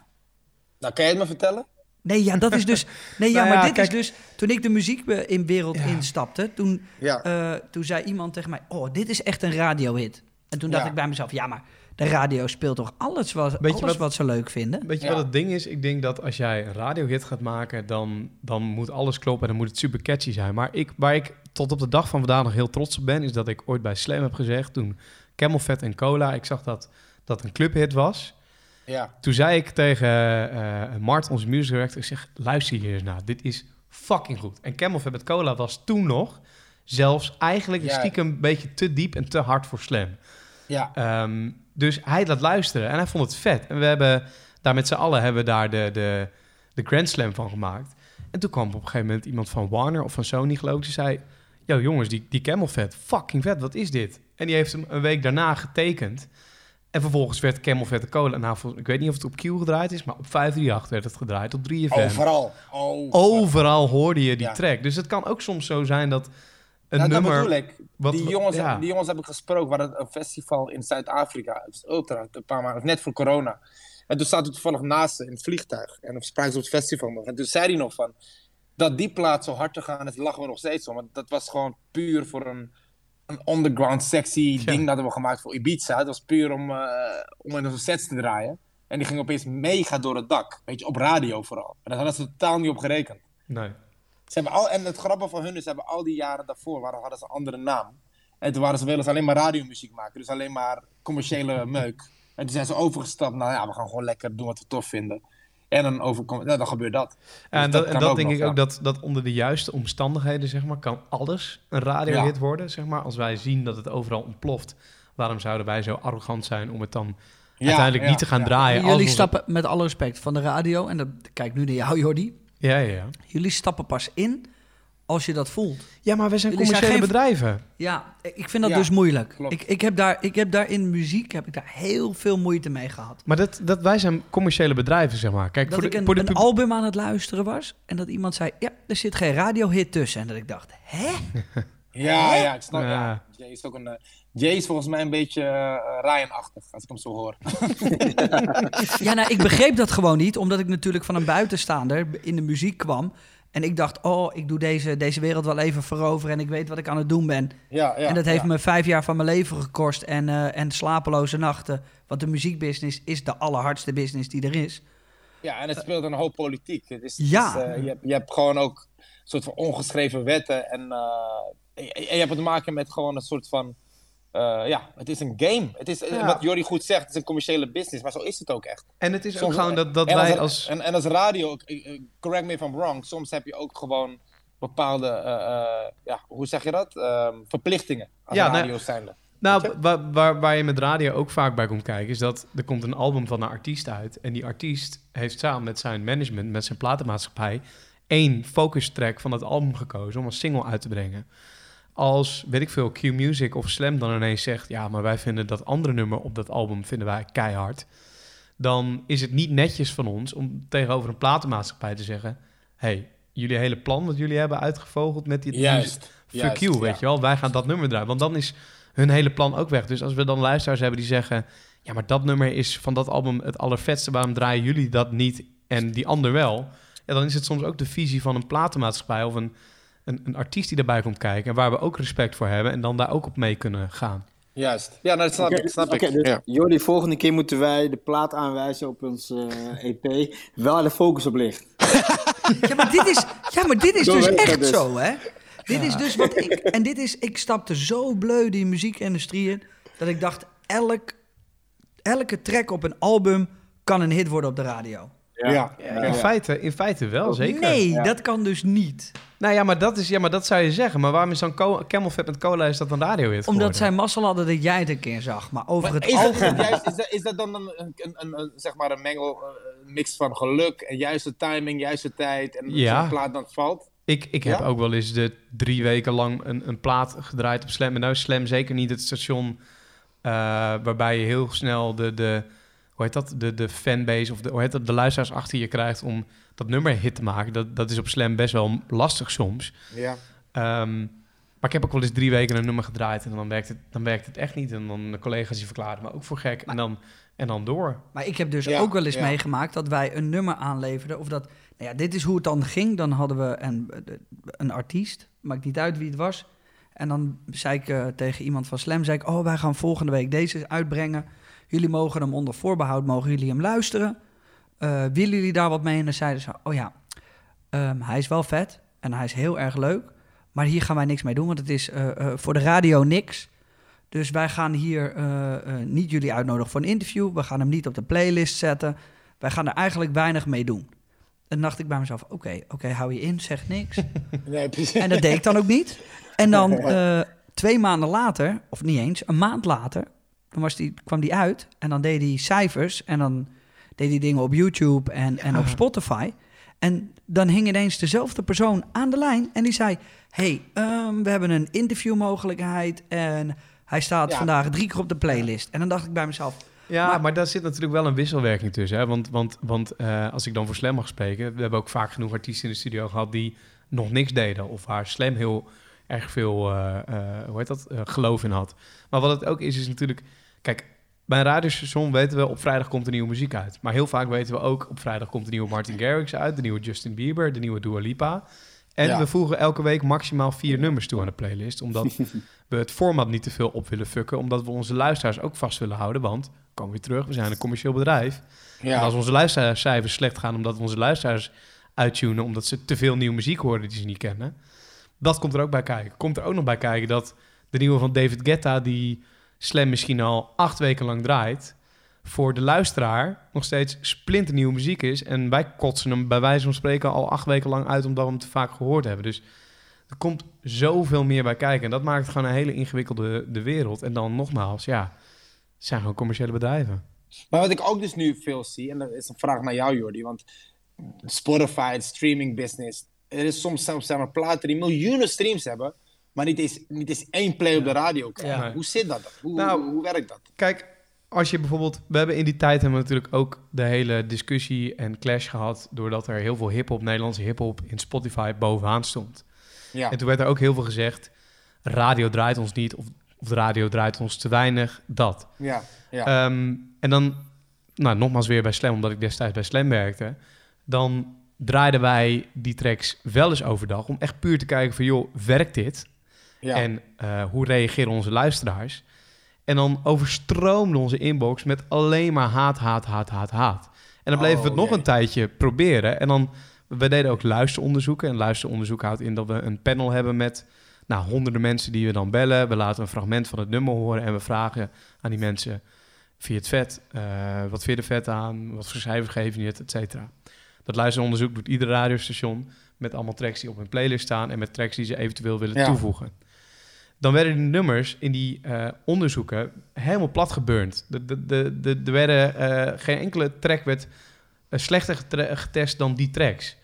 Ja, Dus eigenlijk zeg je dat je echt nu radioluisteraars hebt en Spotify-luisteraars. Ja, Dat heb je dus 100%. gewoon- Het is Dat- gewoon twee Ja. verschillende werelden zijn. En daar ben ik heilig van overtuigd. En dan nogmaals Ja. kun je het, vind ik, en dan zeg ik niet dat jullie dat doen, want dat doen jullie dus absoluut niet. Maar in het algemeen kun je een commercieel radiobedrijf niet eh, verwijten dat eh, Nee, ze sommige dingen niet willen draaien. Omdat het, het gaat uiteindelijk ook om de luistercijfers en om het geld wat er binnen wordt gehaald natuurlijk. En dat is wat je bijvoorbeeld misschien met nee, 3FM ik- zag. Ik, ik, ik zou je zeggen, in het begin toen onze carrière snapte ik er echt geen hout van hoe dat dan precies eh, ging. En dacht ook van, hoezo, hoezo dan niet? En zo. Maar ik heb wel geleerd onderweg van hoe dat zit. Het is, en nog, nogmaals, Jay, ik voel jou. Hoe jij er soms in staat, je maar gek wordt van, hoe, wat de fuck gaat het over? Maar het is inderdaad wat Jordi nu eh, eh, omschrijft. Het, je hebt het veel meer te maken dan alleen maar van, oh, dit is een hele dikke plaat, die moeten we draaien. Het gaat veel verder dan dat nog. Ja, en dat is dus waarom ik ook... En dat is het lekkere aan deze discussie die we net heel even hebben gehad. Ja, eh, is dat we dit hebben besproken in een podcast waarvan mensen misschien wel denken... Waar hebben jullie het over? En voor ons is dit Ja. heel, heel, heel interessant. ja, en, wat, ja. en dat vind ik ook het leuke aan deze, eh, wat we nu bespreken, is dat dit is inside information. Dit weet niet iedereen, weet je wel. Dit is gewoon echt hoe het Is werkt. Inside information, ja. Ja, en dit, en dit is Ja. echt hoe het werkt. En eh, eh, Ja. Dat, dat hoort ook bij het ondernemen. En dat hoort ook bij het DJ zijn en bij eh hits scoren en bij Ja. eh, kijken hoe alles werkt. En Ja. ik denk dat Kijk, dat heel hebben onze, wij belangrijk hebben is. onze hits meer gehad in de... En dat is wel in de core, weet je. Dus dat wordt gesupport door een Getta, door een Swedish House Mafia. Door, en daar krijg je wel een soort van body mee in de scene bij promoters en noem het maar op. Dus we hebben, in die zin hebben we wel goed gescoord altijd, weet je, met, met onze platen. Maar dat is ook de reden dat we er nog steeds zijn en nog steeds geliefd zijn, denk ik. Omdat we in de core, dus in de dance scene, wel de juiste platen hebben geproduceerd om die, om die, eh, ja, die respect, noem het respect of waardering te krijgen. Hoe, hoe belangrijk was Swedish... Want ik heb nu al een paar keer eh, Ja. eh, namen van de Swedish Ho- House Mafia voorbij Ja. horen komen, Ja. ook in het begin. Hoe belangrijk waren deze gasten en zijn deze gasten voor jullie? Nou, ik denk los van wat zegt op het grote podium in Nederland, heeft Chucky heel veel betekend voor ons. Die heeft ons echt wel een groot platform gegeven. En IDT niet vergeten, want het was eigenlijk IDT samen met Chucky. Ehm, ja, en toen ja, toen Swedish House Mafia, hun toptijd. Ik bedoel, met One en Leave the World Behind. Zij waren echt de nummer één dance act in de wereld toen de tijd. Als ze niet meer waren dan dat. Die omarmden ons. Die gingen onze naam schreeuwen overal. Dus in die zin hebben ze ons internationaal echt op de kaart gezet. Dus die gasten zullen we altijd dankbaar blijven. Die ons echt wel ehm, een internationaal eh, platform gegeven. Zijn dat ook gasten waar jullie dan nu nog naar kijken en er nog steeds contact mee hebben? Ja, nog steeds. Nou, vraag ze dan Nog steeds. alsjeblieft even of ze uiteindelijk weer terug gaan komen met nieuwe muziek. Ehm we Ze zijn zeggen, ermee bezig. we Ja. zijn er al helemaal mee bezig, maar het zijn ook echt drie eh, ja, ja, mannen geworden. En, en het is niet meer allemaal jongetjes en eh, alles kan. Het, ze hebben best wel wat eisen, naar elkaar ook. Dus in die zin, eh, ik denk wel dat het gaat komen, maar het, eh, moet- het gaat nog wel, wel een uitdaging zijn om het echt weer. in, in- dat, ze, dat ze het gaan benaderen zoals toen, dat denk ik niet. Het wordt wel goed, maar niet. gaat het nu ook, gaat het nu ook veel te veel over ja, andere dingen dan waar het toen de tijd om ging. En dat is gewoon muziek maken, lol hebben in de DJ-boot. Ja, Ehm, is, eh, als wij het hebben over, eh, om maar even een bruggetje te maken, omdat wij, wij- ik denk dat we met z'n allen wel uren kunnen praten. ja, ja, inderdaad. Ja. Ehm, om een bruggetje te maken over eh, het man worden. Jullie zijn Ja. vader. ja.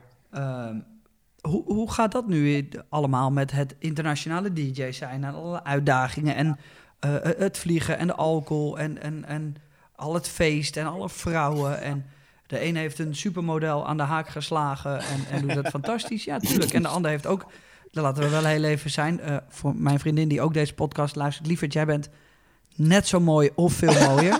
Ik hou van jou. Je moet, je, ja, je moet jezelf niet zo verdedigen zijn. Dat. Mark.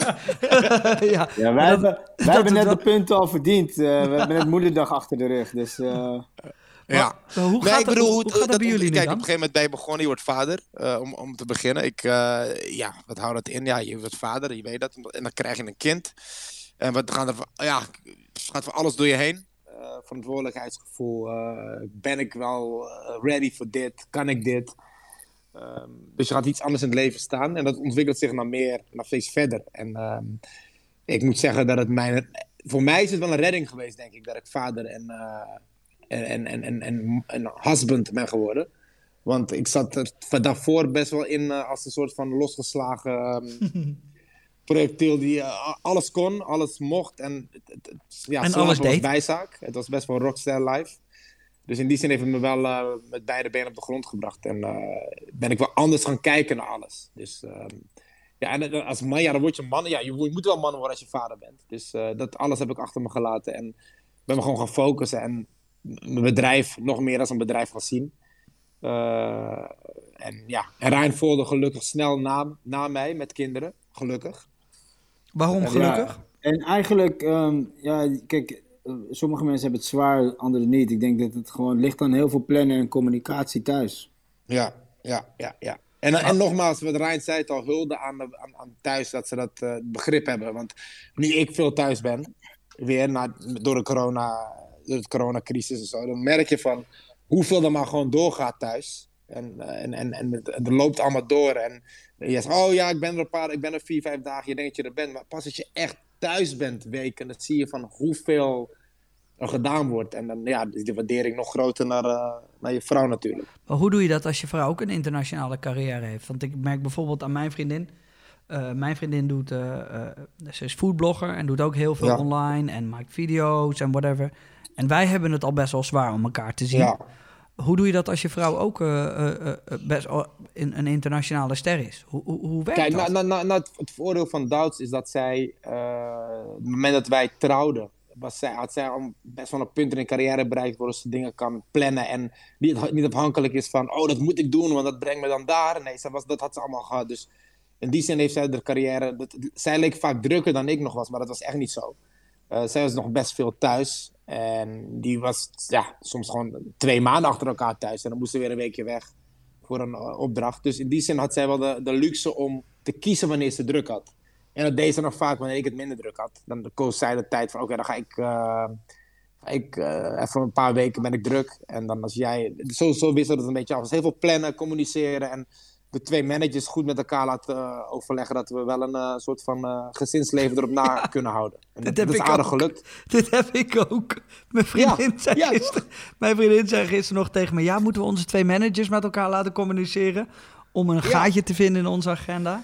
Ik denk dat ik Ja. het heel goed, goed kan vinden met, met Ryan trouwens, in, in, dit, in deze. Want Ja, ja, hè? ja, ik heb een vriendin die werkt op de basisschool. Ik ben er iedere dag godsgruwelijk dankbaar voor... dat ik niet ook een vriendin heb die, die ook allemaal deze gekke wereld wil. Zit Ja. dat bij jou ook zo, Ryan? Ja, inderdaad. En het, eh, kijk, weet je, dat Sun daar zo mee omgaat, vind ik heel knap. Want het is totaal niet mijn, eh, mijn dingetje. Nee, echt niet. Dus eh, ja, amen. Ja, toch? Ja, Ja, nee, ja, als ja, ik dan... ik vind dat fucking mooi. Ik vind dat echt... Ik, ik, ja, Ja, ik, ik, ik weet het. Ik, het is niet dat ik niet een, een vrouw ambieer, zeg maar, die eh, ambitie heeft in het leven. Want dat heeft mijn vriendin absoluut. Ik vind het gewoon alleen heel fijn dat ze in een hele andere wereld zit. Dat ik, dat ik s'avonds thuis kom, dat ik mijn dag vertel. Dat ze het allemaal super interessant vindt. En ze vraagt er ook naar. En dat zij dan begint over, nou, weet je, vanochtend heb ik eh, groep 4 eh, heb ik, eh, leuk. begeleid. En Leuk. weet je wel, ja, heerlijk. Ja. Nou, die gesprek, gesprek is wel iets anders bij mij thuis, maar het is wel... Nee, nee wij, hebben het, over- wij hebben het vaak niet eens over ons werk. Wij gaan echt, wij, eh, hebben een boek gelezen of zo zijn, en dan hebben we het over andere dingen. We hebben het eens over elkaars werk. Het is meer echt over dingen in het leven. Ja. Dus het is weer een hele andere dynamiek thuis. Dus ja, het is wel leuk. Wel leuk om zo te Met- horen. En met kinderen brengt het sowieso een hele andere vibe. ja, hoe Ja. is dat dan?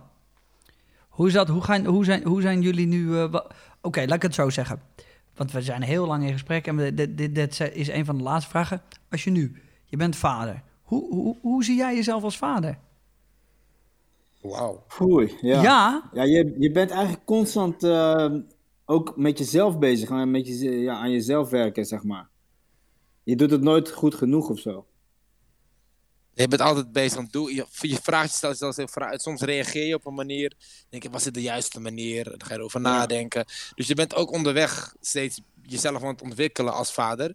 Maar hoe ik me nu zie als vader, denk als, ik, ik stel me vaak meer op als een soort van. Ik wil niet een, een, een, zeg maar een dictator thuis zijn. Ik wil juist een begeleider zijn. Want ik, ik geloof dat mijn kinderen al een karakter hebben. En ik wilde juist die en- dictator zijn, maar dat lukt helemaal niet. en, en, en ik wil juist begeleiden, een soort van begeleider zijn. En, en, en, en daar juist wat mijn zoon nodig heeft, daar zeg maar het beste uithalen. En bij mijn dochter hetzelfde. En ik denk, als, als vader kan je vaak de misstap maken om te veel je eigen, ehm, hoe zeg je dat? Eh, bepaalde dingen die jij niet hebt gehad, dus op te leggen bij je kinderen. Dat wil ik absoluut niet. Eh, ik denk dat wat dat betreft de, dat ik het dat ik in de goede richting zit, denk ik. Voel ik, voel ik zo aan. Ik weet niet of het, of het zo is, maar ik geloof dat de kind vaak eh, weet een kind al waar, welke kant, eh, welke kant je, eh, diegene, je op wil. Je moet hebt alleen sturing nodig van je ouders.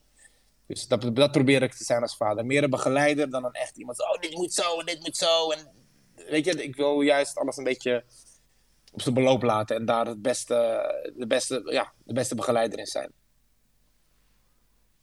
Ja, en nu zitten we op de ander te wachten.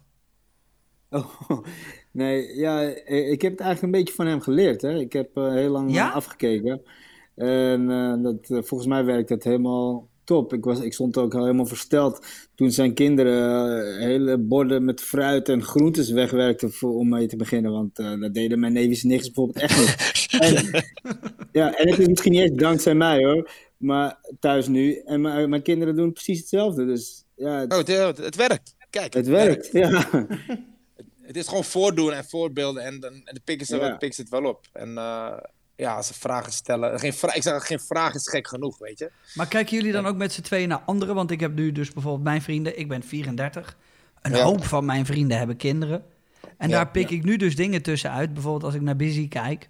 eh, zijn zoon November krijgt geen, eh, geen suikers. En dan denk ik, oh ja, dat moet ik ook doen. Want kijk, zo werkt het. Is dat ook wat, hoe jullie dat met elkaar doen? Dat jullie dan in het vliegtuig stappen naar Verwegistan... waar de vrouwen eh, met z'n allen, hey, kom maar gezellig... en muziek draaien, whatever. En jullie bespreken dan met z'n tweeën... oh ja, dit is hoe ik mijn kinderen ga opvoeden. Ja, we hebben het zeker over. We hebben het, eh, we hebben het eigenlijk, dat is heel saai. We hebben het alleen maar over onze kinderen, volgens mij, als op tour zijn de laatste tijd. Ja. Dus ja, maar ook over, ja, maar ook hoe doe jij dat dan? En eh, ja, op, op dat, ik denk op dat gebied zitten we, als opvoeder zitten we best wel op één lijn, Ryan en ik, denk ik. Ja. God, dan gaan we het weer over vaderschap hebben. Dan denk ik bij mezelf nog langer niet. Ah, je bent er zo, Jordi. Je bent er zo. Je bent er zo. Het hoeft maar één keer verkeerd te gaan, Jordi. Oh ja, dat is waar. Eh, Ik kan, ik, ik- jongens, ik kan nog uren doorbellen, maar ik, ik moet echt zo gaan trouwens. Wij Ja, zijn, wij- wij- luister, ja. wij zijn ook helemaal klaar, want dit is eh, Ja. denk ik de langste podcast ooit. Ik ga jullie Ja, wel, leuk. eh, wij, Superleuk. wij gaan afsluiten.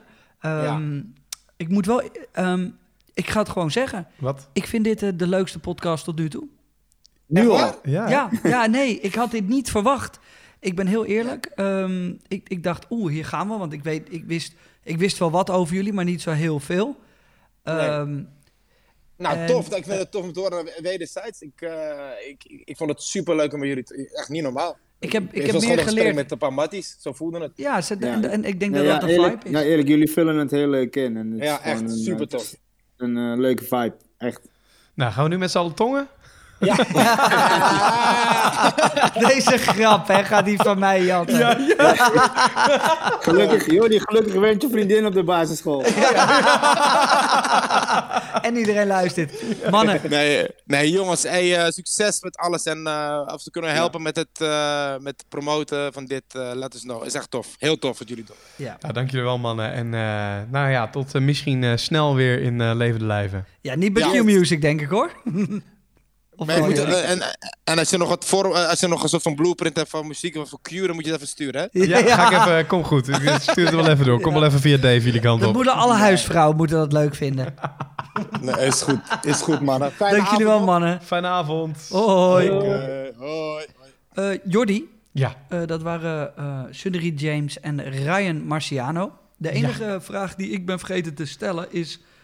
waarom is het Sundery James en Ryan Marciano... en niet Ryan Marciano en Sundery James? oh ja, dat was een goeie geweest. Ja, dat, de, de beste vragen komen altijd achteraf, hè? Ja, dat klopt. ik ben ondertussen... Ik heb de hik, want ik ben een wijntje aan het drinken. Rode wijn. Dat heb ik gekregen van eh, Amsterdam Vintage Watches. Ehm Wauw, Wat is er? Nou ja, dankjewel, want Oh. jij had deze twee gasten geregeld. Ja, eh, nou ja, ik, ik eh, had gehoopt dat het gezellig zou worden. En ik had niet verwacht dat het ook echt daadwerkelijk zo gezellig zou worden met z'n tweeën. Eh, dus ja, ik vond het leuk. Ik vond het ehm, inspirerend. Ik vond het fijn om naar de mannen te luisteren. Ze, zij lijken allebei een soort van... Ze, ze lijken een onverslaanbaar team.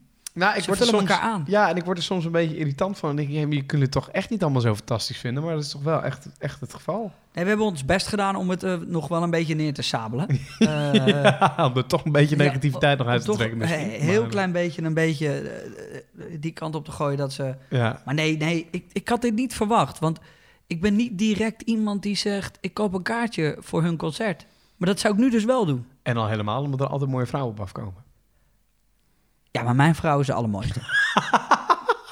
Had hij even 10 seconden voor nodig Nee. om dit even te herstellen? te Nee, ik zat heel Nee, even te kijken naar het aquarium... wat verschrikkelijk mooi gevuld is met vissen. Oh ja, precies. Ja, dat, dat, nano-aquarium. Dat waar we het nano vaak over aquarium, hebben inderdaad. Ehm, dan rest mij nog eventjes om te zeggen dat mensen natuurlijk gewoon moeten abonneren hè, op Spotify. Dat zei ik aan het begin van deze podcast ook. Abonneer je even op Spotify of op Apple Podcast. Laat daar even een recensie achter, vijf sterren en een reactie. Dat zou leuk zijn. Ja, mocht je geen vijf sterren achterlaten, dan weten jullie het. Dan eh, kies je ervoor een speciaal plekje in hel. Ja. Daar kunnen we niks aan doen, dat hoort bij deze, deze podcast. Dank jullie wel voor het luisteren. En ehm, er is nog meer. Jordi, wat wil je zeggen? Een codewoord. Oh, er is een codewoord. Jij mag hem Ehm, verzinnen deze keer. JJ de Vis was niet zo heel succesvol als de vorige keer. Die codewoord, dan denk ik elke keer... Als iemand dan het codewoord naar mij stuurt op Instagram... Dan dan, denk je, what ik... the fuck? Oh, what the fuck, heb ik dat gezegd? Oké, het is vleesetende plant. Als jullie er nog steeds zijn, is het vleesetende plant. Een van mijn passies is een, die staat daar in de hoek, Jordi. Kijk, Eh, mensen zien het niet, maar rechts in mijn plant? hoek, in mijn kamer. Ik heb meerdere vleesetende planten daar rechts bij het raam, Jordi. Wij zitten nog steeds bij mij thuis. Het codewoord is vleesetende plant. Dank jullie wel voor het luisteren. Dit was de Day One podcast met Ryan Marciano en Sunnery James. Zie je? Ik heb het omgedraaid. Buitengewoon absurd. Je merkt, ik geen reet aan in deze aflevering. Eerlijk. Tabé. Tabé.